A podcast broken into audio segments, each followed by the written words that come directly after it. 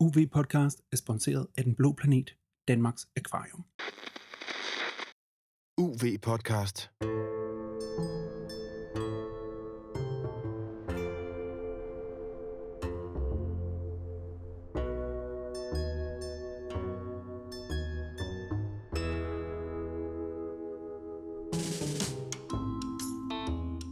Velkommen til Universitetets podcast om undervandsjagt, fridykning og snorkling. Din vært er Morten Rosenvold Villassen, forfatter til bogen Undervandsjagt og forfatter til Hold vejret, en bog om fridykning.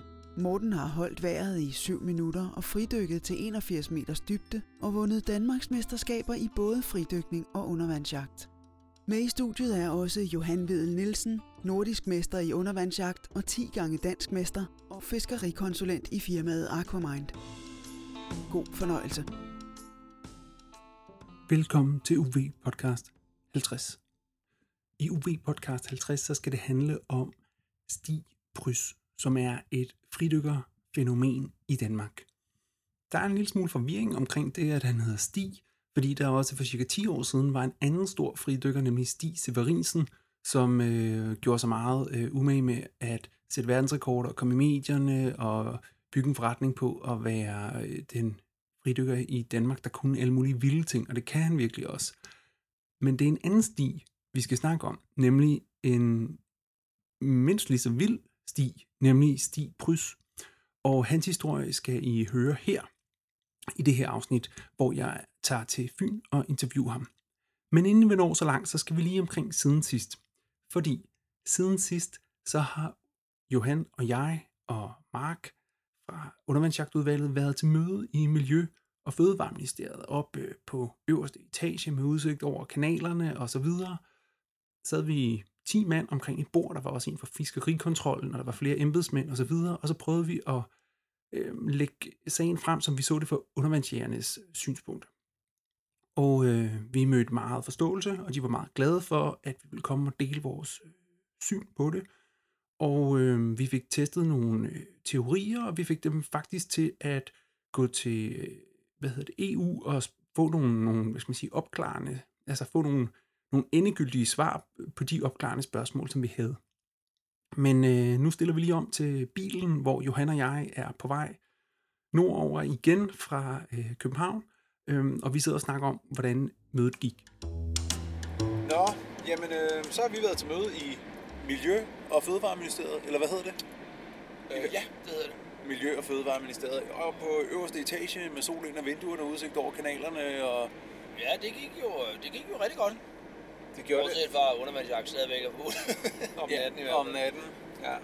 Men det, som, øh, det, der kom konkret ud af det, det var, at øh, vi øh, fik dem til at spørge kommissionen øh, specifikt omkring, hvor status er på håndspid. Ja, er håndspid lovligt, eller er håndspid ikke øh, lovligt? Det hersker der forvirring omkring. Øh, ministeriet mener, at håndspid er ulovligt om natten. Ja. Og øh, det tror jeg, de har ret i, men øh, jeg hævdede selvfølgelig, at det var det ikke. Og så må vi så se, hvad de siger i kommissionen. Ja, fordi det, det der er i det, det er, at øh, altså man kan sige, i det hele taget, at loven er, altså at, at det er sket, er, er, var alle omkring bordet sådan set enige om, at det var, det var noget råd. Øh, og den måde, det var sket på, var også var noget råd. Men, øh, men så er det mere sådan, okay, men hvordan... Øh, og så spurgte vi også ind til, til netop det der med solnedgang og solopgang. Ja, altså hvad er det? Er det det her med twilight eller dusk to dawn, der blev oversat til solopgang og solnedgang, og øh, om man skulle definere det som to timer før, nej, to timer efter og to timer før, ikke? Ja, ja, astronomisk og alt muligt. Men der, der, var de ret, der var de ret klar i spyttet. Ja, der var sgu heller ikke nogen andre EU-lande, kunne de oplyse os om, som, øh, som havde øh, forstået det på den måde, andet end det var solopgang og, og solnedgang. Og der er åbenbart noget, der hedder en juridisk translatør. Juridisk lingvist. Juridisk lingvist. Jeg kan næsten ikke udtale det. Ja. Ja. Og de havde også åbenbart været ind over. Ja, så den, Den, øh, den, er, den er rimelig langt op ad bakke. Det var ikke der, at vi... Øh, den, den skanse forlod vi hurtigt. Og så, øh, altså den sidste ting, det var også det der med, at vi skal have lavet et ændringsforslag. Eller prøvet at få det, når de på et eller andet tidspunkt åbner den der øh, forordning igen, så skal vi øh, Ja. være der som øh, små miskatte med at sige, Ja. hey, husk nu også, og Ja. ja. fordi det der øh, paragraf 7, tror jeg det er, øh, rettet. Ja, paragraf 7G. Men øh, det, de var ikke sikre på, øh, hvornår der ville komme noget, og om der kommer noget til næste år. Det tvivler lidt på. Nu har man været tre år om at skændes om det her. Ja, men, det, Så, øh, men øh, de sagde, at øh, vi skulle tage fat i øh, navngivende personer og prøve at få et møde med ham og hende og så videre. Så nu øh, vi har lidt at gå med, og faktisk også, øh, der, der, der tegner sig et besøg i Bruxelles. Nu tager vi til Bruxelles og drikker øh, rosé og spiser mulefrit på medlemmernes øh, regning. Nej, det gør vi nok ikke, men øh, vi må prøve at se, om, øh, om vi kan få et møde med nogle af de, dem, der sidder lidt mere centralt placeret. Og så er det også lige noget med timingen, at det skal helst være sådan umiddelbart op til, at de åbner den der forordning. Det, det kan ikke nytte noget, vi gør det i morgen. Det er Søren Gade nøglen, tror jeg. Det, det, han er næstformand i fiskeriudvalget der, så vi skal starte med at have et møde med ham, øh, måske når han er hjemme øh, i Jylland, og så, øh, så må vi prøve at lægge en plan derfra. Ja, så hvis der er nogen af lytterne, der er personligt bekendt med Søren Gade, en Og nogen, der har fætter, Søren eller- Gades mobilnummer, så Ja, eller gerne han sende det. gift med hans svoger, eller et eller andet, hvad det nu kan være, så, øh, så, så, så hører vi gerne fra ham. Vi, vi skal nok få fat i ham. Vi skal nok få fat i ham. Vi følger sagen.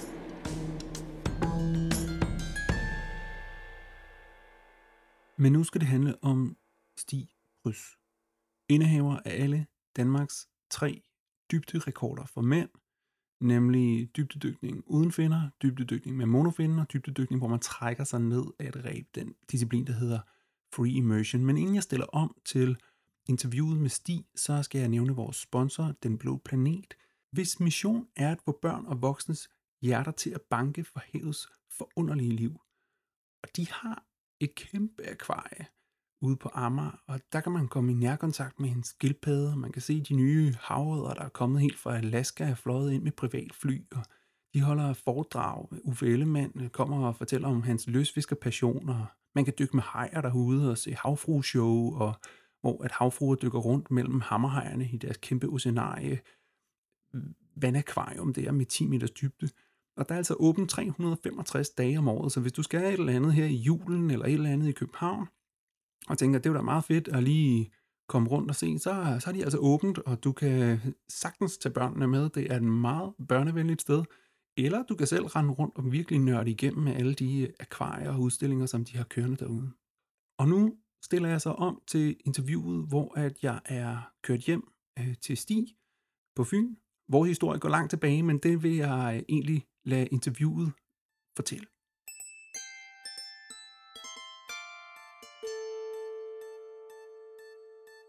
Hej Stig. Hej Morten. Tak fordi jeg kunne komme. Det er dejligt at, at, at, at besøge dig her, og, øh, og, jeg tænker, at vi, vi to, vi, øh, vi skal starte det her, den her snak øh, tilbage i 2012. December 2012. Ja. Og øh, der skriver du en mail til mig, og du skriver noget med, at du er interesseret i fridykning, og du har leget lidt med at holde vejret. Mhm. Øhm, prøv at, prøv at for, forklare lidt, øh, hvor, hvor, hvor du var, og hvad, hvad der skete dengang. Fordi at det, det er der, at jeg første gang møder dig, og det ender med, at vi tager i svømmehallen sammen. Men, men hvor er du der? Altså, øh, jeg var lige blevet færdig med at lege med vandgymnastik, og øh, det, det, eller, jeg, jeg brugte vandgymnastikken til at, at lindre nogle øh, gigsmerter, øh, som jeg pl- plagede meget af. Og jeg falder tilfældigvis over en video med en, der ligger og dykker i en svømmehal. Øh, og jeg savnede lidt, at der skete noget andet end vandgymnastik. Det var ikke særlig interessant. Øh, og det var med en masse ældre damer og sådan. Så det, det var ikke sådan så macho-agtigt. Der var mange af mine kammerater sprang rundt på mountainbike og sådan. Så jeg synes, der manglede et eller andet form for liv i mit liv. Altså. Øh, og så, så ser jeg det der fridykning, og så, det der, det, det så da fedt ud. Og det var bevægelser, ligesom lidt som det vandgymnastik var. Og så så det som så dejligt roligt ud. Mm. Og så tænkte hvad gør jeg? Rundt og kigge, og så skrev jeg øh, fridykning, og popper forskellige, og så popper du så op. Og så siger det er det, jeg gør. Jeg får fat i dig, og så ser jeg, hvad, hvad det kan bringe til. Hvad blive til. Og jeg kan faktisk stadigvæk huske, at du, at du skriver, og jeg sender et, et kort øh, træningsprogram øh, tilbage med sådan en ting, du kan lige prøve af, inden vi skal mødes. Ja. Og så øh, sidder jeg øh, ude i forjen øh, i DGI-byen, uden foran caféen, øh, ved et bord, øh, og du kommer gående med en stor rygsæk øh, Mm. på ryggen, øh, fyldt med dykkerudstyr. øhm, og, øh, og du var lige startet på en masse yoga også på det tidspunkt, sagde du. Ja. Og du sagde, at du havde nærmest hænderne over hovedet hele tiden, fordi at, at det der yoga, det havde, det havde rykket øh, en masse ved, ved med, hvad du kunne med din krop og alle sådan nogle ting på det tidspunkt. Ja. Og, øhm, og så sætter vi os og snakker, og, og så går vi ned i, øh, i DG-byen og, og, og laver nogle indledende øvelser med statisk og holdværet og sådan nogle ting. Mm. Og var det første gang, at du fridykkede for alvor der, eller? Allerførste gang. Ja. Og det var den 25. januar, januar ikke? Jo. Ja. ja. Står det. Så det, der startede min fridykkerkarriere den 25. januar 2013. Ja. Øh, og, og det var jo en fed oplevelse. Øh, jeg havde jo ikke leget med at trække vejret, som, sådan som du snakkede om, og hvordan vi skulle gøre det her, hvordan det skulle ligge stille i vandet, og, øh, og, og mærke de her ting, der nu vi, vi kan mærke efter. Ikke? Så, så det var meget det var en fed oplevelse. Og, også det, som jeg beskrev med yogaen og sådan, ikke? Det skal jo så sige, at jeg har ligget stille med det her møgsygdom i mange år, ikke? Så bare det her med at kunne gøre noget med mig selv, og have en oplevelse med min krop igen, som var rar og behagelig, det var, det var vanvittigt lækkert. Altså, øhm. Og så mærke den her ekstreme ro, der kom under vandet. Jeg kan huske, at vi kom i vandet, der var der en masse børn, øh, mødre med alle deres små børn, ikke? Øh, men der var jo ro alligevel. Mm. Ja. Og så, øh, du kan stadig huske, hvor lang tid du holdt vejret der? Ja, altså, da, da jeg kom til dig, så tror jeg, at det lykkedes mig med din måde, det der, som du har skrevet til mig, at næsten komme op på omkring to minutter. Og, og var fuldstændig målløs over, at det kunne lade sig gøre. Øh, og du laver så nogle opvarmningsstykker med mig. Jeg var ikke klar over, at du, du satte mig bare til, at nu skal vi gøre sådan, og nu ligger du hovedet under vandet, og så kommer du op. Og jeg tror også, du bad mig om at komme op. Øh, men, men det ender med, at jeg holder ved i omkring 3,5 minutter, og jeg er fuldstændig mindblown af det, at det er for vildt, at det, det her, det gælder sig gøre, ikke? Og, øh, og jeg, jeg tror, jeg sang hele vejen hjem, altså. Ja. Øh, så det var vanvittigt fedt. Øh, så det, det var en kæmpe, kæmpe oplevelse. Øh, og du har også skrevet ned omkring det her med, hvordan CO2'en vokser i blodet. Og der, er sådan nogle, der var nogle teoretiske ting, og sådan, jeg vil bare, hold op, det er lige meget. Jeg vil bare gerne det her. Det er lige meget, hvordan det virker. Øh, så, og så vi var også lige inde og lege lidt med, med nogle længdedyk og noget, ikke? Øh, men det var, det var super fedt, at det kunne lade sig gøre, ikke? Og jeg fik jo fornemmelsen, at tid og sted forsvandt, øh, sådan for første gang, ikke? Og jeg blev fuldstændig, ja, altså, dem, dem der prøver det første gang, de har jo de her oplevelser med, hvor vildt det er, er det hele. Jeg tror vel, man har ligget og holdt ved det i et halvt minut, ikke? Og så er der bare gået masser af tid, ikke? Mm. Så fedt. Og det derfra, altså fra 25. januar 2013, så lige pludselig så går det jo, altså på det tidspunkt, så er du jo totalt begynder i fridykning, du mm. er jo øh, også sådan relativt hårdt ramt af din sygdom, og, og, men lige pludselig går det bare rigtig stærkt med din fridykning. Ja, altså fordi du, du siger jo et eller andet sted, du giver mig en masse tro på, at det her, det, det, der er potentiale i dig, det her. Jeg skulle have noget at lave, jeg var sådan en, det her med at lave vandgymnastik med gamle damer, det var, det var ikke, det var sgu ikke særlig fedt. Så det her med, at, at jeg måske kunne noget, som ikke så mange andre kunne, det var virkelig med til at løfte mig selv. Øh, altså den psykiske del af at være syg er jo ekstremt hård, altså, og så du lige pludselig gøre nogle ting igen, det var helt vildt fedt. Og du bad mig om at, at kontakte Odense Aquaklub, fridykkerklubben derinde, og fik fat i Andaler og Camilla Salling, og snakke med dem frem og tilbage om, hvornår jeg kunne starte. Og jeg starter ikke ret lang tid efter. Øhm, jeg ved, jeg når til træning tre gange, inden der er VM i pool, som bliver afholdt i København. Og hvad dato er det? Kan du huske det i 13? Det er dig, du speaker faktisk på det. Det, nå, det er DM. DM, ja. DM, ja, ja lige Øh, præcis. ja, Det er rigtigt, jeg øh, speaker på det, men var det ikke Odense, at det blev afholdt i? Jeg, jeg speaker i hvert fald på en, en i Odense. Nå, det er ikke så vigtigt. Ja, det er jo ligegyldigt. I hvert fald- Det er jo mange år siden. Ja.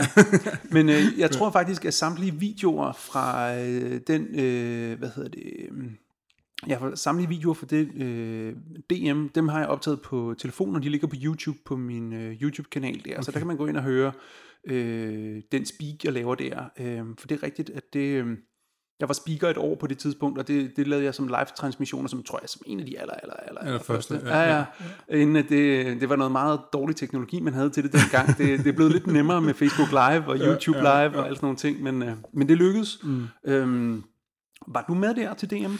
Ja, i 2013. Øhm, og ja, ja, men det var lige hvor du hente min bare. Men øhm, jeg, vi startede med at lave no fins. Nej, statisk. Og der havde jeg så trænet tre gange i Odense. Og det lykkedes mig at komme op på 4 minutter og par 30. Øh, og jo helt fantastisk. Altså, hvor vildt er det her. Og jeg havde det, til træning var det lykkedes mig at dykke 65 meter no fins. Og vi synes at det, det var sgu, det var fandme fint, og, og var godt tilfreds med det, ikke? Og jeg kunne ellers, så kunne jeg godt, de sagde, at jeg skulle tage med til det her DM, og siger, det er, kan vi ikke noget klubmesterskab eller noget først? Øhm, men som du siger så, at fridykkeverdenen herhjemme, den er jo ikke så stor, altså det er jo bare, vi er en masse mennesker, der bare hygger os sammen og, og holder ved, ikke? Øh, så jeg deltog i det der, og Camilla kan jeg huske, hun siger, at nu skal du høre, altså der er jo læger til stede, så du giver den jo bare gas, og så længe kroppen råber og skriger efter alt muligt, så er det rigtig fint. så skal du bare blive ved. Jeg siger, okay. Øh, men jeg kunne også godt lide det her med, at og, og altså, og, ligesom jo længere tid jeg blev under vandet, jo, jo federe fik jeg det. Og øh, det kan man sige, det er jo nok psykiatropoblen, der gør lidt af lækre ting, ikke? Øh, men for mig så var det meget det her med, at det blev mere og mere lindre, og det blev mere og mere lækkert, og, og sådan, ikke? Og det her at trække ved første gang efter sit dyk, det var jo sindssygt livsbekræftende. Øh, og da jeg sådan laver min nofin-stykke, øh, så da jeg kan godt lide, okay, nu har jeg ventet ved de 50 meter. Og, øh, og så er vi snart ved de 65 meter, som jeg havde dykket, ikke? Og så, så er kanten der ved 75. Jeg siger, det, det går, jeg kan mærke kroppen over og skriger. Det er jo rigtig fint, det her. Og så siger han, så tager vi lige venner, og så ser vi, hvad der sker. Og så blev så nede på 100 meter. Øh, og så siger åh ja, det er stadigvæk vildt. det føles jo godt. Og så vender jeg så igen, og så slår det mig lige pludselig, hvor langt det her det egentlig er.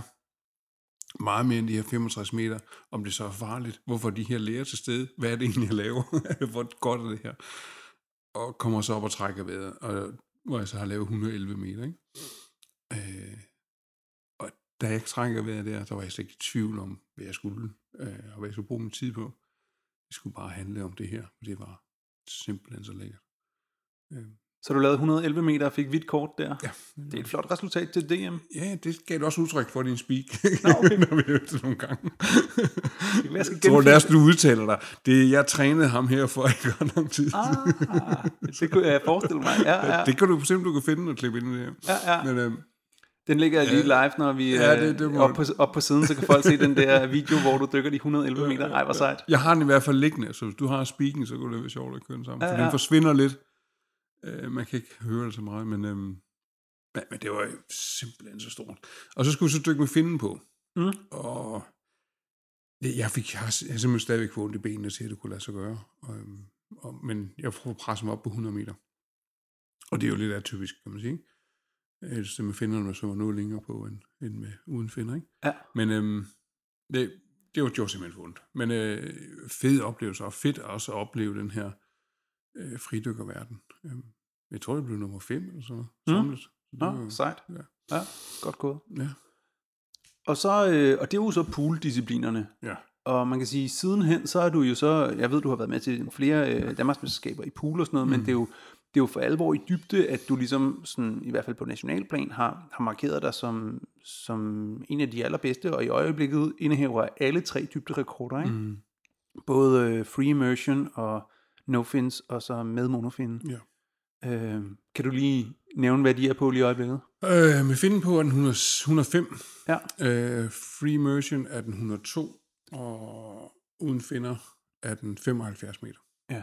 Uden finder, det er jo så normal brystsvømning op og ned, for dem, der ikke kender til det. Free immersion, det er, hvor man må bruge rebet til at trække sig ned og trække sig op, men med at man ikke har svømmefødder på. Mm.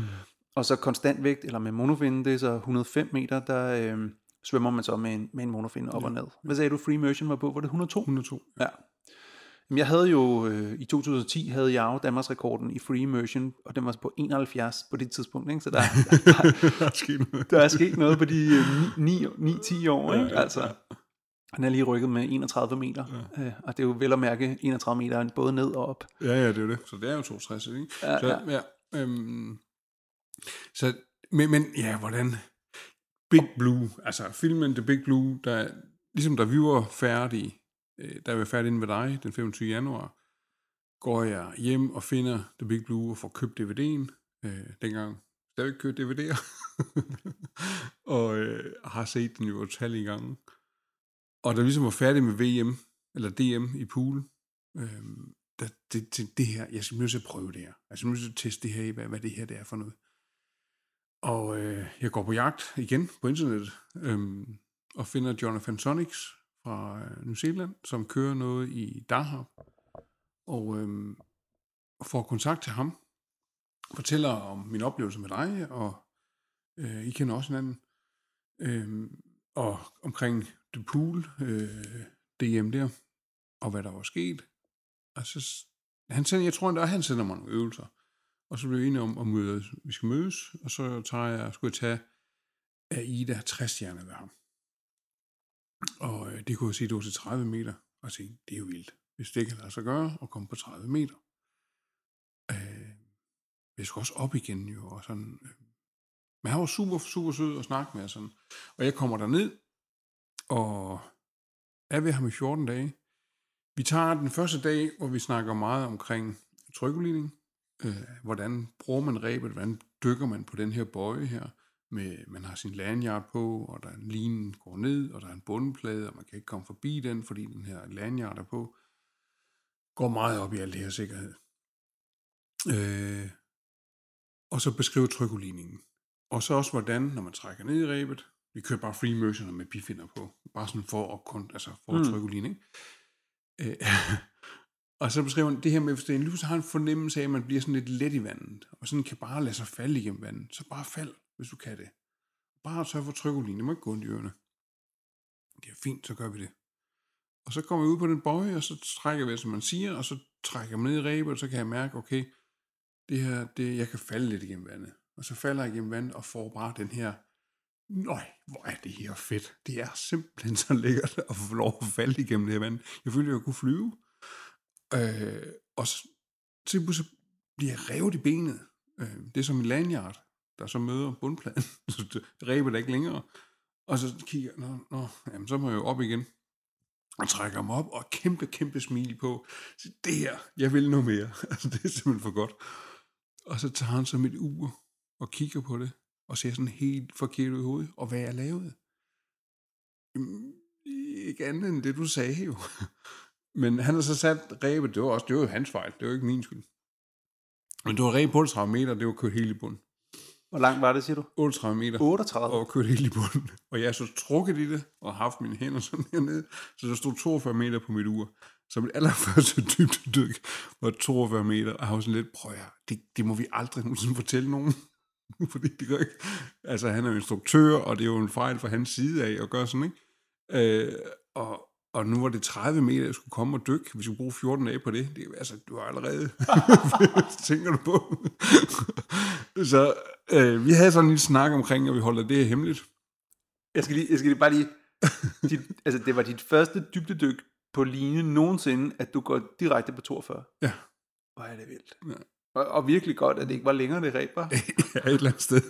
Men jeg, jeg tror ikke, det har betydet mig. Altså, jeg var fyldt op med så meget øh, lykke, endorfiner og ros, altså, så, som jeg, jeg var jo slet ikke til at skyde igennem. Altså. Nå, okay. Øh, så, men, men jeg kommer så op, og vi bliver enige om, at vi bruger de her 14 dage på, at Ida 4, 4 stjerner i stedet for til her 60 stjerner. Vi går teorierne igennem, men vi ender ud med en 4 stjerne. For det, det, kan- nu havde jeg jo dybden på det, så jeg godt få gjort, gjort det, ikke? Nå ja. Ja. Hvad, er det? Det 32 kravet er til Ida 4 stjerner. Ja, det har du så også klaret. Ja, Jeg altså tror så- faktisk, at der er et max på 38 i, i, i 4 stjerner. Man må ikke gå dybere på Ida 4 stjerner end 38. Jeg kan ikke huske det. Nå, nej, Ja, det altså- jo lige, det jo, men, men i hvert fald, jeg skulle have noget teori omkring det, sagde han, fordi du, du, du kan jo et eller andet her, øh, og du bliver nødt til at vide, hvad fanden du laver. Ja. Og det kan jo kun give ham ret i, det er en god idé, ikke? Øhm, så jeg fik puttet en masse vin i hovedet. Øhm, jeg tror sgu egentlig også bare, det satte nogle begrænsninger et eller andet sted. Men det ender med at komme på, på 60 meter på Mm. de her 14 Mm. dage, ikke? Ja. Helt klart. Øh, og det sidste dyk, jeg havde med ham, jeg havde virkelig svært ved at trykke ulin mere end til de her 60 meter. En 60. Ja, og det, det var som, så var der bare ikke mere tilbage, jeg kunne der ikke mere tage. Og, og det, der er du så i gang med mouthfill Ja. øh, på det tidspunkt. Ja. Ikke? Altså, og for dem, der ikke ved så meget om det, så altså man kan køre med Frenzel øh, teknik ned til omkring 40, måske 45, hvis man presser den lidt. Øh, mm.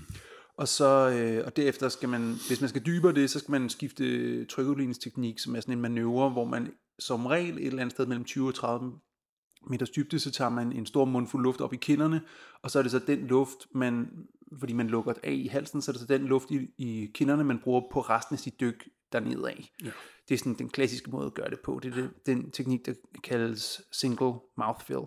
Øhm, og den, den, den var du så i gang med, men, men gik ligesom i stå i 60'erne, ja, eller omkring 60. altså, Så, eller? Fordi det her synkefornemmelse, ikke? Altså, du får en trækning, og sådan, ikke? så synker du den luft, du har, og det, du lukker af igen, øh, og bliver nødt til at bruge tungen for at åbne op, og så er der ikke mere luft tilbage. Og, øh, og så også det her med i starten, at man, man er godt klar over, at man er dybt under vandet, ikke? Altså, så begynder man også at tænke, jeg tænkte jo slet ikke første par gange, så begynder man, hey, jeg skal op igen, og der, der var alle de her issues, ikke? Øh, så der er også en stor mental del i at kunne slappe ordentligt af i det. Men jeg tror, det som jeg brugte, det var, jeg fyldte luft op, og så brugte jeg tungen til at lave øh, Frenzel med, men brugte min mouthfeel til det, kan Jo, man jo, sige. jo, jo. Så det var sådan noget, noget kombineret rod eller andet. Men uden, uden at lave noget squeeze og skade og sådan noget. Ikke? Øhm, og jeg fik jo hele tiden at vide, hvis det går i ørerne, så vender du om. Mm. Og det må ikke gå ondt. Lige snart du taber det, så bare vender om. Og det var, der har Blue Hole? Ja, ja, det var det. Øh, så vi var lige nede og kunne se lidt, fornemme de arch. Sådan, Nå ja, ikke? Øh, selvfølgelig. Ja, det, det var stort. Men, og for dem, der ikke ved, hvad det er, så er det sådan en kæmpe stor øh, åbning, øh, tunnel under koralrevet, øh, som man kan se, hvis man kommer på plus 50 Ja. i øh, Blue Hole i Dahab, så kan man ligesom kigge ud sådan en kæmpe, kæmpe, kæmpe øh, åbning af bare sådan en stor blå, øh, som de, de kalder The Arch. Ja, det går hele vejen ned til de her 90 meter. Ja. 95. Og, og er super smukt, og nogle gange står der jo nogle kæmpe tun. Ah, så Det fedt. der så der, uh, øh, det er også vildt, da jeg så dem første gang til A. Ja, de er store, de er altså. med store, de der Ja. ja. Så, øhm, men, men det, det var også, det også at opleve korallerne og se de her ting her, det er jo så smukt der. Øh, altså, det var virkelig fantastiske 14 dage. Øh, det sidste dyk, jeg havde med ham, nu har vi jo brugt øh, free immersion og, og konstant væk med finden på. Og så siger han, der er jo også den her øh, no fins, og vil virkelig lige prøve den. Øh, jo, det, fordi i poolen gik det jo fint, så, så hvorfor ikke Mm. prøve det af i dybden også. Og øhm, bøjen, vi var på, var sat til 45 meter. Altså, nu, du så bare ned, han øh, bifinderne på, så jeg, jeg følger dig bare meget i vejen, og så vender du bare om, når du synes, at det er, og så prøver du at svømme op, og jeg skal nok passe på dig. Øh, og jeg svømmer ned, og kan godt mærke, at det her, det, det, det er noget mere lækkert, end med finden på. Det er meget mere roligt, meget mere, øh, føler mig endnu mere fri, altså, og jeg også fik, jeg kunne mærke på hus på vej op, når jeg tog et armtag, så kunne få det til at passe med trækningerne. Sådan, det var sådan, der kom sådan en lækker rytme i det, ikke? Øh, men jeg vendte på de 45 meter og kom op på 45 meter og sagde, det, det her, det var faktisk det fedeste dyk overhovedet øh, på den tur her. Øh, for det var simpelthen, også fordi trykkelinjen har været nemmere, ikke? Fordi den er jo til 45 meter. Øh, også den, bare den ro, der opstod. Så jeg var helt forelsket i den her disciplin faktisk med det samme. Og øh, ja, men jeg er så hjemme andet end, end et par måneder, hvor vi så kører et DM i Sharm el Sheikh øh, i 2013. Så hjemme to måneder, for at træne lidt ude i Aqua, som er pigerne der, og, øh, og så tager vi så afsted til Sharm el Sheikh til dybde stykke. Øh, og det, det, var, det, var, det, var, det var vildt. Øh, jeg huggede op med Tue. Øh, ham kender vi alle sammen, ikke? Ja, to kappen ja, ja. fra Københavns ja. Klub. og øh, vi bliver enige om, vi, det passer med, at vi kunne følge over i flyet, øhm, og jeg fortæller omkring de her dyk, jeg har haft med Jonathan, og, og, og det her, hvordan det er gået, og sådan, og jeg synes, det er jo fedt. Og så jeg kunne altså rigtig godt tænke mig at prøve at lege lidt mere med det her no-fins. Og de her 45 meter var altså legnet lidt. Så om vi godt... Vi havde faktisk kun to dage til træning, og så var her en hviledag, og så startede konkurrencen. Så var det to dyk, vi kunne få, ikke? Altså, skal vi ikke prøve at lege med det? der? Jeg kan godt tænke mig at prøve 50 meter. Øh, no offense. Det lyder vildt, synes han, men, men det kunne vi da godt prøve. Og øhm, jeg laver det her første dyk på 50 meter, og kommer op, og det igen lejen let. Jeg synes bare, det her det er kanonfedt. Øh, så siger jeg, skal vi ikke 60 meter i morgen? Fordi nu, det går skide godt det her. Han siger, "Mm, det er sgu lidt vildt stige, altså. Jeg siger, jeg lover, jeg vender om, eller jeg, jeg, nu skal til, og vi passer på hinanden, og sådan. Øh, men jeg laver de her 60 meter dagen efter, og det er lige så lejende lidt for mig. Jeg synes virkelig, det her det er bare kanonfedt. Så har vi en øh, hviledag, og så starter konkurrencen, så finder jeg også ud af, jamen, hvad, hvad, hvad det betyder. Det er ikke lige så meget som i poolen, hvor, hvor dagen er sat af, vi skal dykke den og den disciplin den dag. Vi, jeg kunne egentlig vælge kun at dykke no fins, hvis jeg ville det. Øhm, så vil jeg selvfølgelig miste chancen for at, at få, få nogle ting, øh, præmier nu, ikke? Jeg skal vel måske lige sige, at, at for folk, der ikke ligesom er vant til at høre omkring øh, dybdefridykning og sådan noget, det der med at lægge 10 meter, altså først lægge 5 meter til Det må vi slet ikke i dag. Nej, nej, nej. Det der med først, først lægge 5 meter til sin personlige bedste, og så dagen efter sige, det gik nemt, jeg lægger lige 10 meter til. øh, det, gør, det gør man i udgangspunktet ikke. Slet, slet ikke. Nej, men, øh, men, men, og det er også ligesom, det der, det der ligesom er, er, er den øh, anbefalede vej, det er ligesom mange gentagelser og, og små fremskridt, mm. så øh, det, det, det holder man længst med. Ja, og, og, og det, det er der slet ingen tvivl om. Altså, i dag hedder det også, du må jo ikke lægge mere end 3 meter på, på de, når du snakker konkurrence og sådan noget. Nej, det, det er simpelthen reguleret og det er sådan reguleret, og, og det er jo sund fornuft. Altså, øhm, men jeg, jeg vidste jo ikke bedre. Det hele handlede for mig om, at det her, det skulle bare være dejligt. Mm. Og det, og det var det jo også. Det var jo super, super lækkert. Øhm, men når vi så når den her hviledag, så, så, så, så tror du, Tue, der siger, at du er godt nok, hvad Danmarksrekorden er på det her. Nej, men det var 68 meter. Nå, jamen så er 70 meter, der er oplagt. Shit. og jeg står og ryster på og siger, det, det skal du ikke, det er fuldstændig vanvittigt. Og der er måske, jeg ved ikke, om 10 stykker, der har lavet det på et tidspunkt i verden. Altså, der er jo ikke ret meget, der har Mm. lavet dem. Og siger, altså, at vi,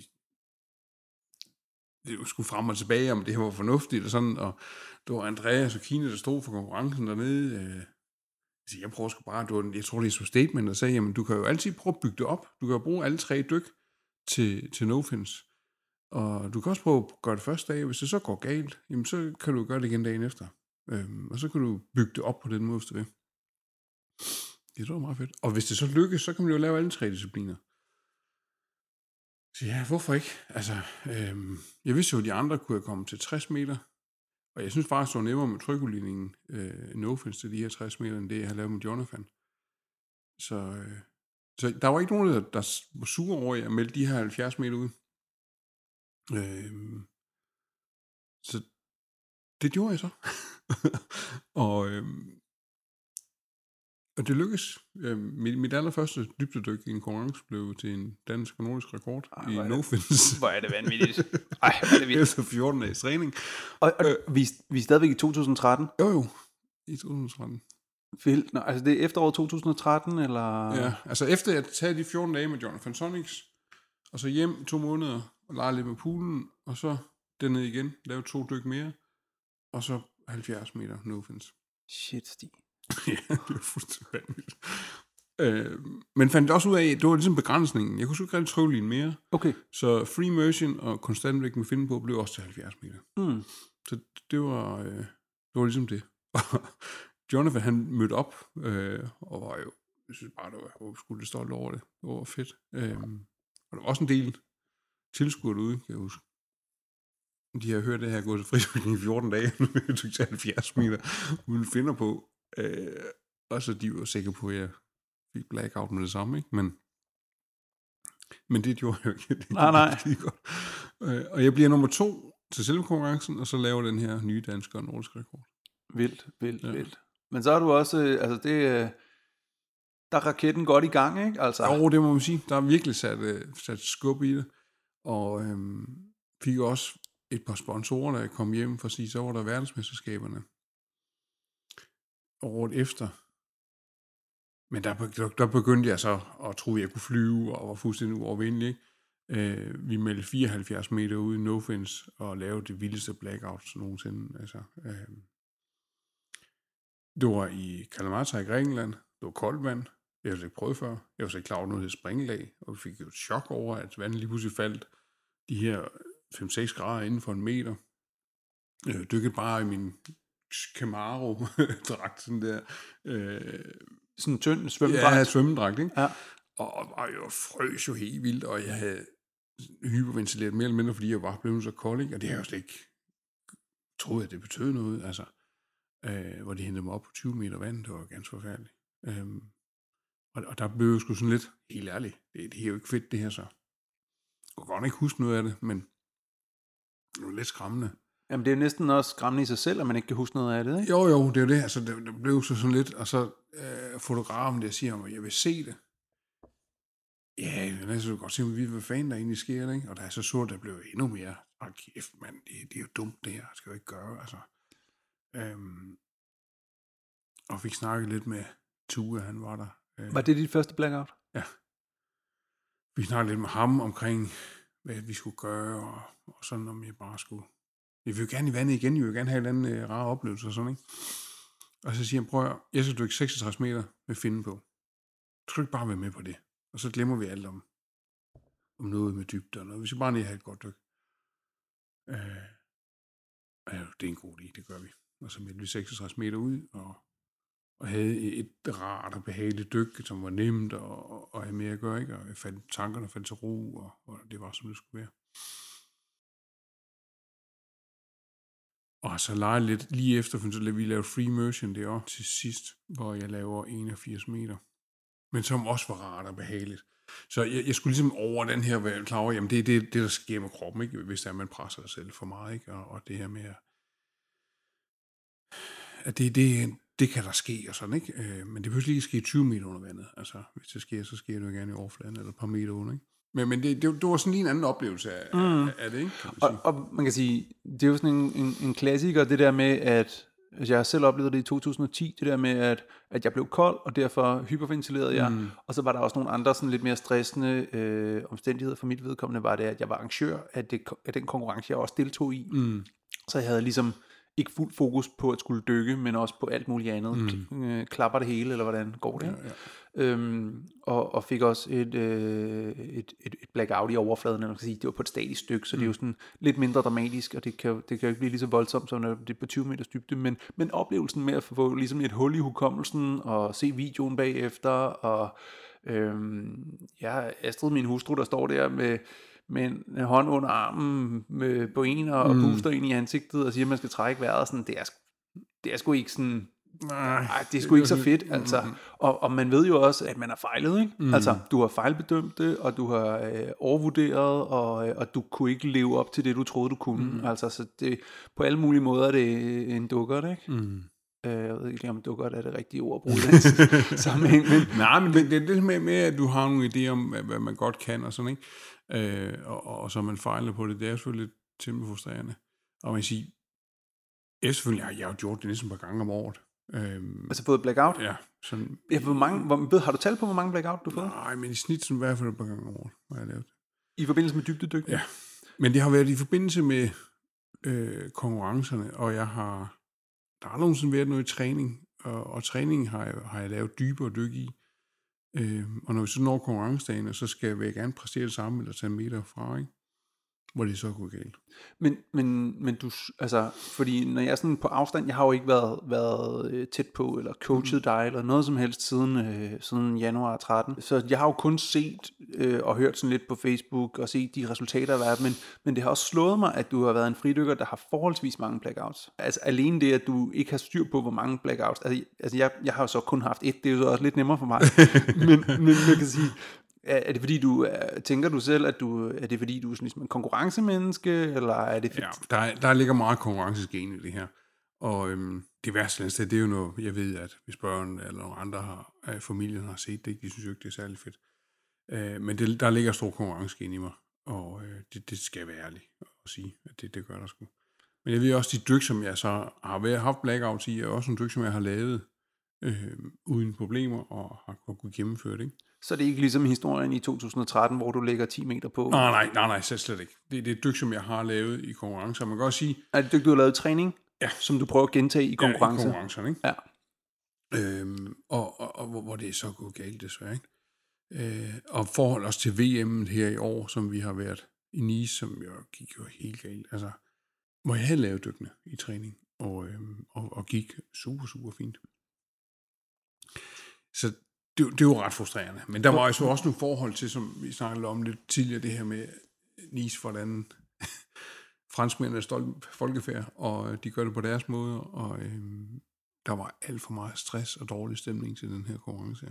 Ja, jeg var jo selv øh, med i 2012 i Nice med, ja. med nogenlunde det samme øh, øh, crew og setup og så videre. Mm. Øhm, og det, det var desværre heller ikke en, en særlig god oplevelse for mig. Nej. Øhm, men, men man kan sige, er det så, altså nu, nu prøver jeg at tage, tage, tage den fornuftige voksen kasket mm. på, er det så der, hvor man skal sige, jamen så, så går jeg ind og trækker 10 eller 8 meter fra min, min, min, min træningsstykke og prøver at realisere det i konkurrence, eller sådan, altså sådan, hvor, hvor ligger du der, eller hvor, hvor, hvor er dit det, snit? Jo, men det gjorde jeg jo sådan set, øh, for jeg melder 90 meter ud i free immersion. Øhm, og siger, prøv jeg, jeg, ja, ja, det her, det, det er simpelthen for vildt. Altså med, med den dårlige stemning, der er her, så skal jeg mindst bare have et fornuftigt, rart dyk. Øh, at jeg har ingen grund til at presse på noget, fordi det, jeg lå på Viben før, ikke? Hvor, hvor, det var, øh, hvor det ikke fungerede. Så har jeg immersion dyk til 90 meter og hygger mig med det. Og tager mig god tid med det, ikke? Og det er et nemt dyk for dig? Ja. Det bør det være i hvert Ja, fald. jamen det, det var der. Og der var jo heller ingenting, altså, øh, og, og, og fin ro på, og, og det, det kørte. Jeg var, det var lidt langt men det var også mildt, tog bare stille og roligt. Mm. Og, og, og hvad hedder det, for andre, der sidder og lytter med, så når man snakker om 90 meter og et nemt dyk og sådan noget, så kan man tænke, tage sig til hovedet og sådan noget. Men lad os bare lige prøve sådan helt, helt kort, sådan et dyk til 90 meter, hvor lang tid tager det for dig i free immersion? øh, tre minutter tog det der. 3 minutter rent? Mm, ja, cirka. Okay, ja. Okay, Jamen, det, det vil jeg egentlig sige sådan et, et ok hurtigt dyk til 90 meter, i hvert fald i free immersion. Ja. Det kan nemt tage længere tid i free immersion i hvert fald. Ja, men jeg, da jeg lavede 102, det tog jo 3.30. Okay, Ikke? Øhm, Jamen, så er det måske. så, så det, det er sådan, Ja. ja. Hvornår har du freefall? Øhm, omkring 30 meter. Og det freefall, det er så der, hvor at, at man bliver tungere end vandet, og ligesom ja. giver slip på rebet og bare lader sig falde. Øhm, og hvornår tager du mouthfeel? Ja, det har jeg lavet lidt om på. Normalt har jeg jo taget den øh, fra 25 til 28 meter, øh, og tager den på 22 meter, er det ikke? 22. Ja. Og har skabt en helt anden kontrol, øh, som er langt, langt nemmere for mig at kontrollere. Jeg har et lille problem med, når jeg fylder op, og jeg er lidt for dybt, så lukker min blødgane, så skal jeg åbne blødganen igen med min tunge. Men når du gør det, så forsvinder størstedelen af luften, du har nede omkring halsen og underkinderne, så er det væk. Du ja. kan ikke bevæge tungen og have luft det samtidig mm. med. Øh, men når du så fylder op, allerede ved 22 meter, så kan jeg beholde den her luftmængde. Mm. Og det betyder altså meget i den sidste ende. Mm. Det dyk, jeg havde til de plus 100 meter stykke, jeg havde under træning, hvor, hvor havde jeg jo stadigvæk luft Ja. ja. ved bundpladen, og det har jo været, det har slet ikke rigtig haft på samme måde. Mm. Og luft i bundpladen, det, så mener du, at du har luft i kinderne, som du kunne ja, Ja, bruge kunne- til at øh, trykke linjen videre med, hvis ja. du skulle dybere. Mm. Helt klart. Så det har, det har virket, så det er egentlig noget af det bedste, der har været i år. Øh, det er at få mere styr på min trykkelinje, kan slappe mere af i den. Mm. Øh, Så når de, fordi du havde et eller to dyk, der gik galt i Nice med blackout, to dyk. og, og det er så, hvad skal man sige, var det dybe dyk, eller hvordan? Ja, 76 meter øh, no fins, og så 106 meter øh, konstant vægt. Og det er et dyk, som du har lavet før, eller hvordan? Ja. Okay. Men ikke i konkurrence? Nej. Nej. Okay. Og, dem, og der øh, får du et blackout i overfladen, eller på vej op, eller? Ja, sådan lige, lige under, under, altså man kan se med finden på, der begynder at give op på 15 meter, får mig op på 8 meter eller andet. Okay. Øhm, og no fins er, jeg tror det er, jeg kan ikke huske, det, 5 meter før eller sådan Okay, ikke? ja. Øhm, Og man kan sige, det var nogle af de ting, der de gik meget op i, og det, det var sådan meget professionelt, den måde, vi blev taget op på, og hen til lægerne og sådan. Mm. Øh, men det så meget dramatisk ud i forhold til de mennesker, der kigger på. Normalt, når vi kommer op efter sådan, så bliver vi lige kaldt lidt på, og der skal på kinderne, ikke? og så, så kører det igen. Vi blev bare holdt nede på en borger og blev trukket væk ud af billedet, og sådan, så det, har, det, det ser lidt dramatisk ud der. Øh, men der var ingen form for squeeze, eller nogen skader, eller noget som helst. Øh, min iltmætning var op med det samme, og så der var ikke sådan i den forstand øh, noget galt. Men jeg kan sige, om man skal sidde og... Man kan altid finde på gode undskyldninger for, hvorfor tingene er, som de er, ikke? Øhm, jeg siger, der har været rodet på det der setup. Det var ikke særlig fedt at være der. Efter tre dage vi egentlig bare gerne hjem. Jeg skal også sige, at jeg har ikke haft det særlig sjovt hele det sidste år. Der har været alt for meget familiært, som ikke rigtig har været så skægt. Så jeg har jo ikke rigtig været i balance med mig selv i år. Sådan, så der har været nogle andre ting.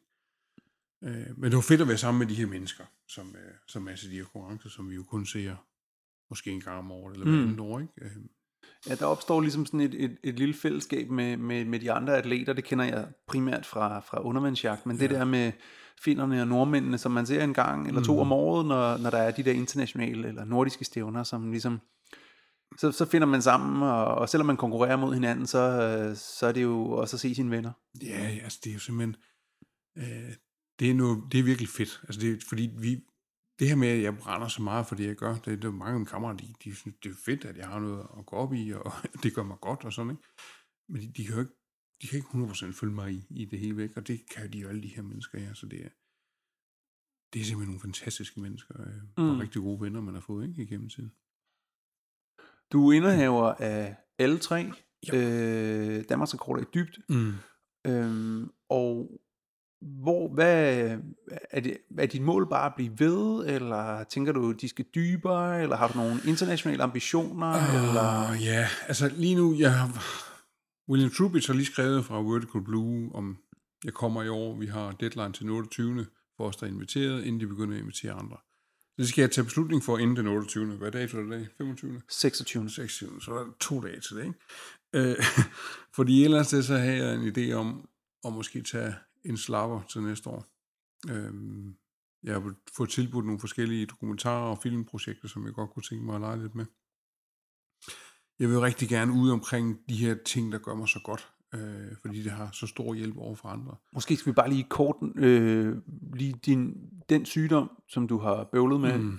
eller jeg ved ikke om bøvle er det rigtige ord, men altså... Ja, hvad med pc Ja. Øh, det er psoriasisgigt, og øh, Psoriasis, det kender vi stort set alle sammen, det kan man have på, på huden, øh, og det støver, og det gør ved, og det klør, og ikke særlig rart. Øh, jeg har det så ind i knoglerne også. Og det giver bare en, en vanvittig smerte, øh, som er... Det er en, en inflammationstilstand, der kommer omkring ledene og, og nervespidserne ud til ledene. Så når du så bukker det og forsøger at bukke det, så, så kan gøre det vanvittigt ondt. Øh, og det var jo hårdt ramt af. Øh, og, og det, det kommer og går meget stadigvæk. Øhm, det vi så har fundet ud af efterfølgende, det er det her specielt dybde, hvor godt det gør. Øh, specielt for det, jeg har i ryggen. Det kan, det kan jeg ikke blinde med, det er der sådan jævnligt hele tiden. Men når jeg så dykker dybt ned, gerne i 90 meter, øh, nogle dage i træk, så, så er der, kan der gå uger, inden jeg mærker noget igen. Wow. Nogle gange går der så ikke så lang tid, men det, det er forskelligt af forhold til stressniveau og sådan noget. Og jeg har jo sådan prøvet at råbe og lidt omkring det her, hvor, hvorfor, hvorfor, hvordan kan det være det her? Altså, skal vi ikke prøve det på nogle andre? Eller? Men vi kan jo ikke få, helt, vi kan ikke få mennesker med ned på 90 meter vand. det bliver svært. Så måske noget trykkammer ting? Ja, lige netop. Og så har vi jo roet lidt med det her. Og øh, vi finder ud af, at i Argentina bruger de sgu trykkammer til heste med ledsmerter. Aha. Og inflammationer i deres led. Altså vedløbshester koster millioner.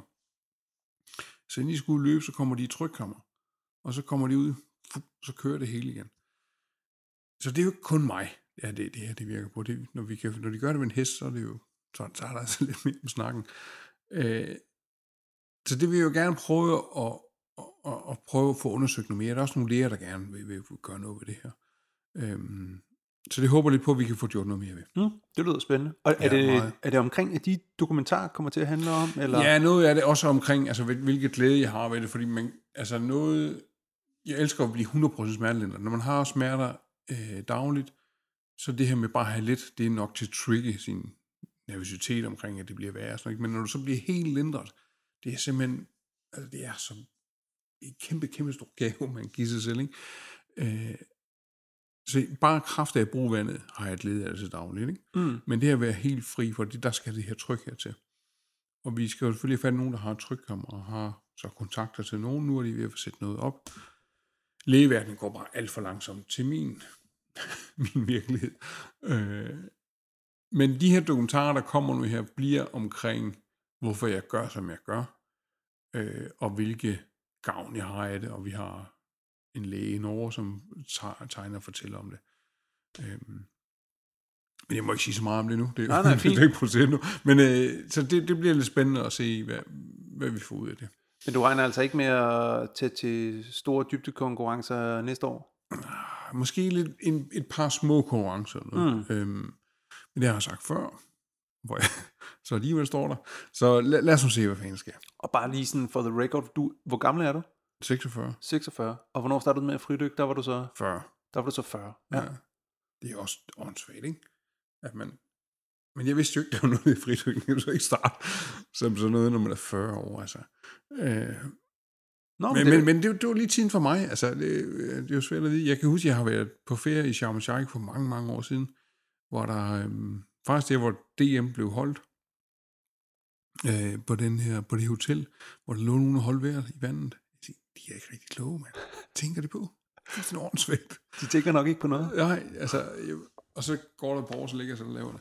Øhm, så, men, men jeg har ikke, altså for mig handler det jo egentlig bare om at finde et sted, som var rart at være i, Mm. hvor, hvor der ikke var forbundet med smerter og elendighed og sådan. Øh, og det var så nede under vandet, og det var meget mere effektivt, når jeg bare holdt vejret. Og det vi jo bare blive gode til. Så derfor så blev du kontaktet, og så ja, det er jo så Ja, rullet ud af ja, ja. hele tiden, ikke? Du sagde lige, øh, nu, nu vi sidder her hjemme hos dig på, øh, på Fyn, øh, Mm. ude ved et gods. Øh, ikke at du bor på et gods, men åh, det, det, det gør det jo lidt. I sådan, hvad, hvad hedder sådan en, en, en, en tjenestebolig på et Ja, gods? det kan jeg eller, eller sådan noget. Et li- lille hus ved siden af et stort, flot gods. Øhm, men at din harpun ligger, øh, og din våddragt ligger her og sådan noget. Mm. Du undervandsjer også en lille smule, eller hvad? Ja, det gør jeg.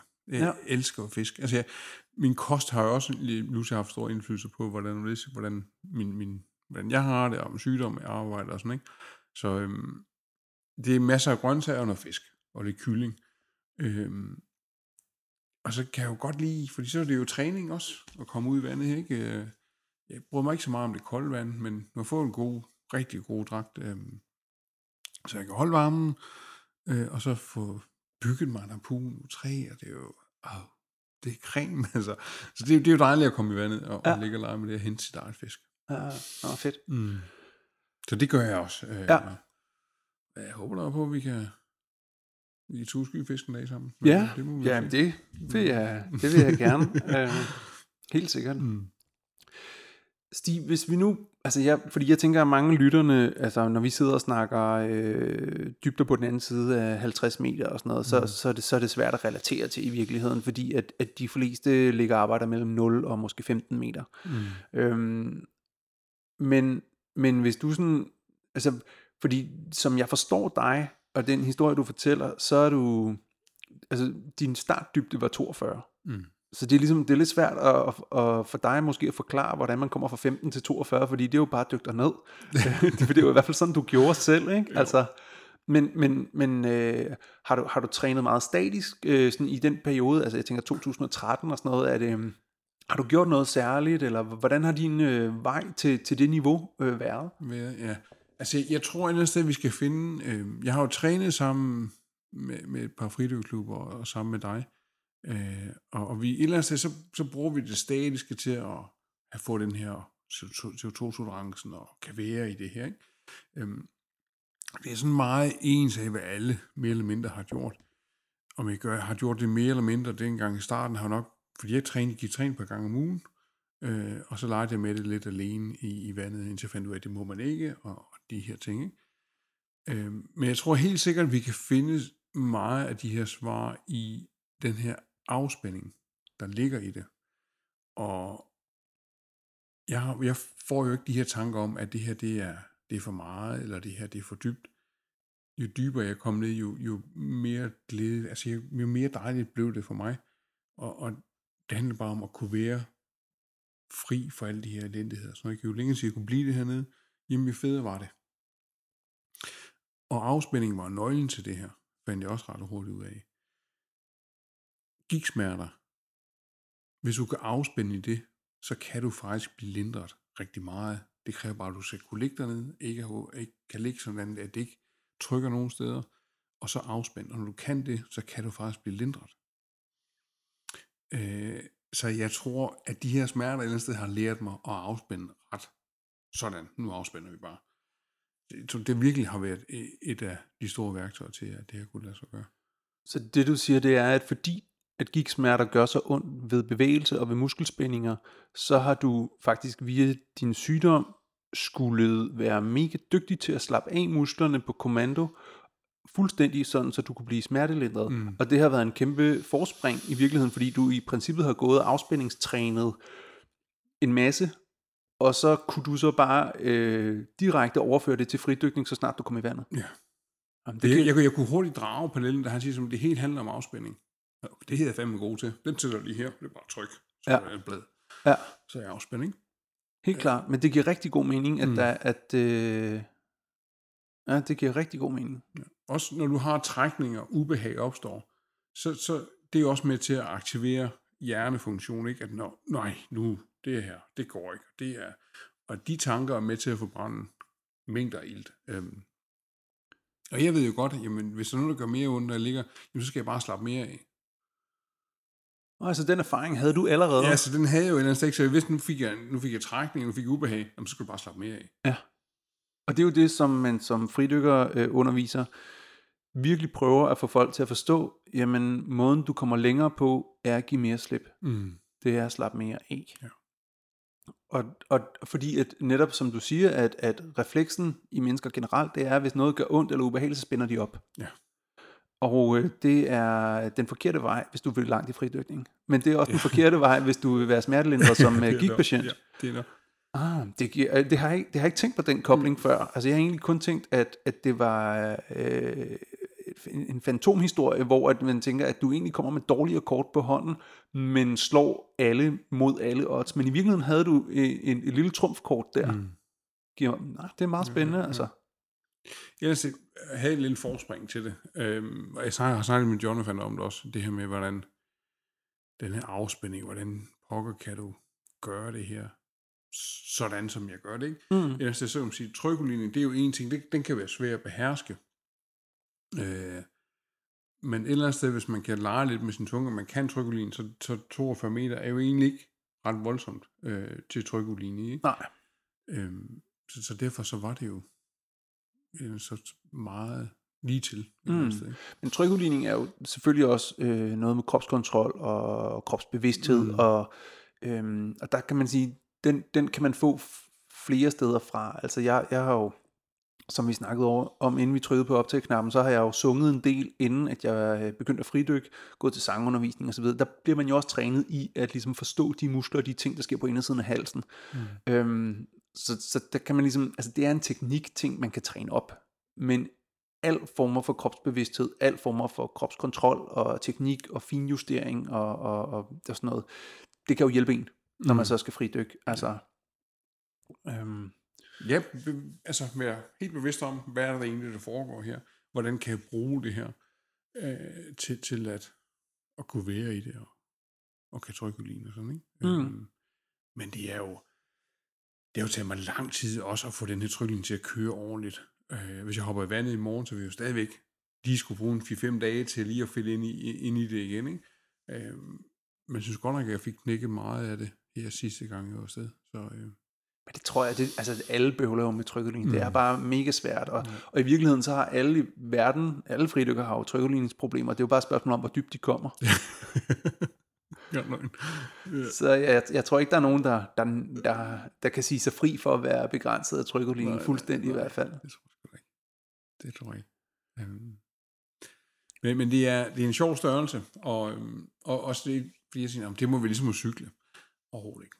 Nej, nej, fordi du skal jo gen, gen, Ja, ja, enig. genfinde det, i hvert fald hvis du som, som nordbo og Mm. mm. skandinav, så, så, så træner man jo, altså, jeg, det er jo lang tid siden, jeg har trænet dybdedyk, sådan decideret dybdedykning, mm.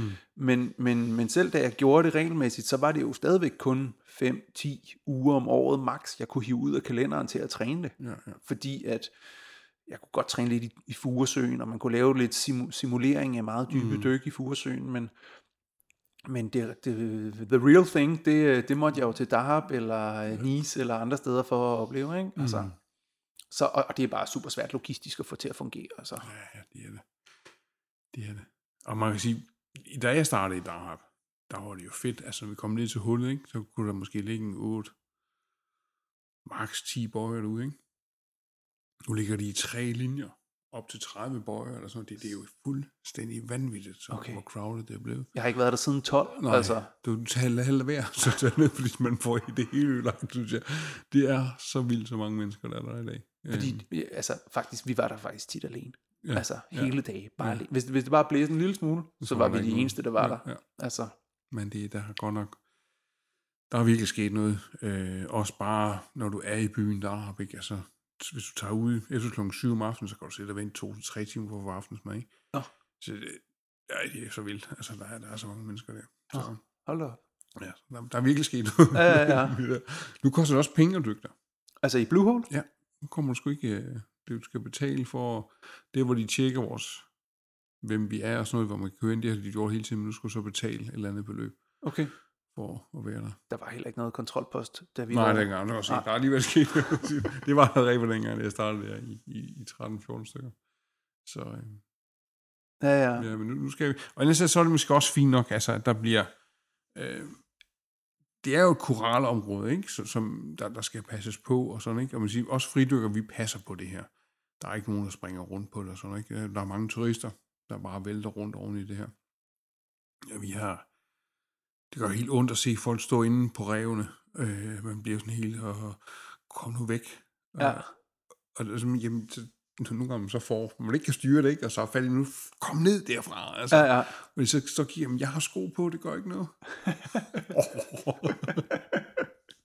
Hvad snakker du om? Jeg er da ligeglad med dine fødder. Ja, ja, lige præcis. øh, så, så ellers så skal der jo passes på, på de områder der. Mm. Ja, ja. Nå, men hvis, der er heldigvis mange andre fine koralsteder Ja, ja, til ja, højre ja, og ja, til ja, venstre ja, for, ja, for Blue Hole ja. og så videre. Bare man svømmer 100 meter væk, så, så, Så er så, så er det meget fint og uberørt, ikke? Mm. Særligt hvis man svømmer nordpå. Øhm, Det her, der er masser af det. Mm. Øh, jeg har lige været en tur i Hugada. Øh, der, det var også kæmpe stort, altså. Hvor pokker det var flot. mm. Stig, jeg tænker, vi har været, været godt rundt om, øh, om det her, men øh, hvis folk ligesom vil, vil læse mere om dig, eller se mere om dig, eller, øh, så jeg skal nok, øh, du har jo lavet nogle rigtig fede øh, videoer sammen med Dan Verhoeven, Ja, for pokker, mand. Øhm, så, så jeg tager øh, nogle af dem og smider dem op mm. øhm, på hjemmesiden inde på UV Podcast. Og, øh, men ellers så tænker jeg, at folk kan finde dig på din hjemmeside. Stig. Ja, det kan stigbrydes.com. Ja. Øh, og så selvfølgelig Freedive Stig Bryds på Facebook. Og bare min almindelige profil, Stig. Ja. Og så har jeg den der Breathe med Stig Bryds. Ja. Øh, hvor jeg underviser lidt i noget afspænding og vejrtrækning. Er det en app, du har, ikke? Jo, jeg har lavet den som en app. Øh, man kører nu noget, en fast undervisning i Nyborg et par gange om ugen. Ja. Øhm, jeg, jeg, det, jeg, jeg får selv trænet på den måde, ikke? Ja, det det, er jo fordi det, det, er jo rart. Og øh, når det er godt for mig, jamen, så er det jo godt for alle mulige andre. Øh, og det er simpelthen så fantastisk at se de her mennesker blive så afspændt og finde den her ro i vejrtrækningen. Så jeg elsker det. Altså, mm. det Mm. er virkelig, virkelig lækkert, ikke? Øh, så det, det gør jeg også. Øhm, så der kan man også følge med der, hvis man har lyst til at dukke op, så foregår det Nyborg. Det kan man læse om den. Øh, og ellers så, ja, så bliver der lidt filmprojekter og nogle dokumentarer og sådan noget her øhm, det næste års tid. Som, Super. Det bliver rigtig spændende at, at følge. Du skal i hvert fald have mange tak, fordi du vil være med i UV Podcast. Tak fordi jeg var med.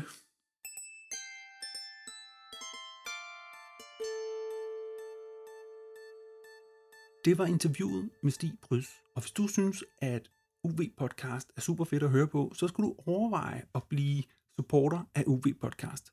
UV Podcast øh, forsøger nemlig ved siden af, at vi har nogle sponsorer, så forsøger vi også at ligesom blive en brugerbetalt øh, podcast, som kan finansieres udelukkende ved brugerbetaling. Og Øh, hvis du kigger på øh, Radio 24 så øh, tror jeg nok, at de nu på nuværende tidspunkt ville have, have ønsket sig, at de for otte år siden begyndte at gå i gang med at søge alternative finansieringer til, øh, til driften af radioen. Øh, men det er, jo, det er jo så slut nu, og sådan skulle det nødig gå med UV Podcast. Så jeg vil opfordre dig til at gå ind på uvpodcast.tier.dk og så oprette sådan et mikrodonationsprogram, øh, program, hvor at du ligesom overfører 5 eller 10 eller 20, 30 et eller andet kroner hver eneste gang, at vi udkommer med et afsnit. Og på den måde så er du med til at sikre, at UV Podcast fortsætter og fortsætter og fortsætter, så længe der er nogen, der gerne vil høre på det.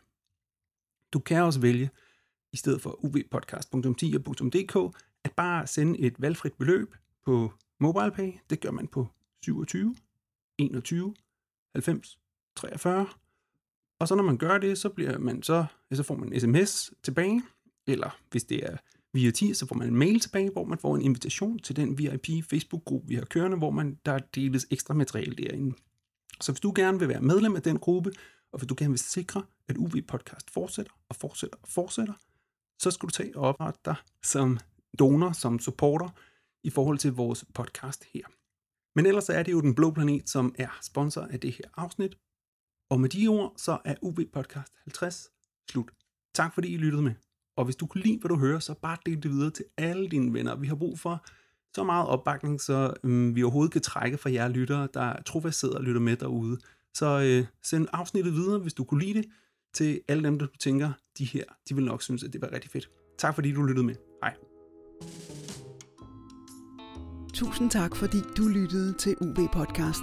Du kan finde links, fotos og anden info på uvpodcast.dk.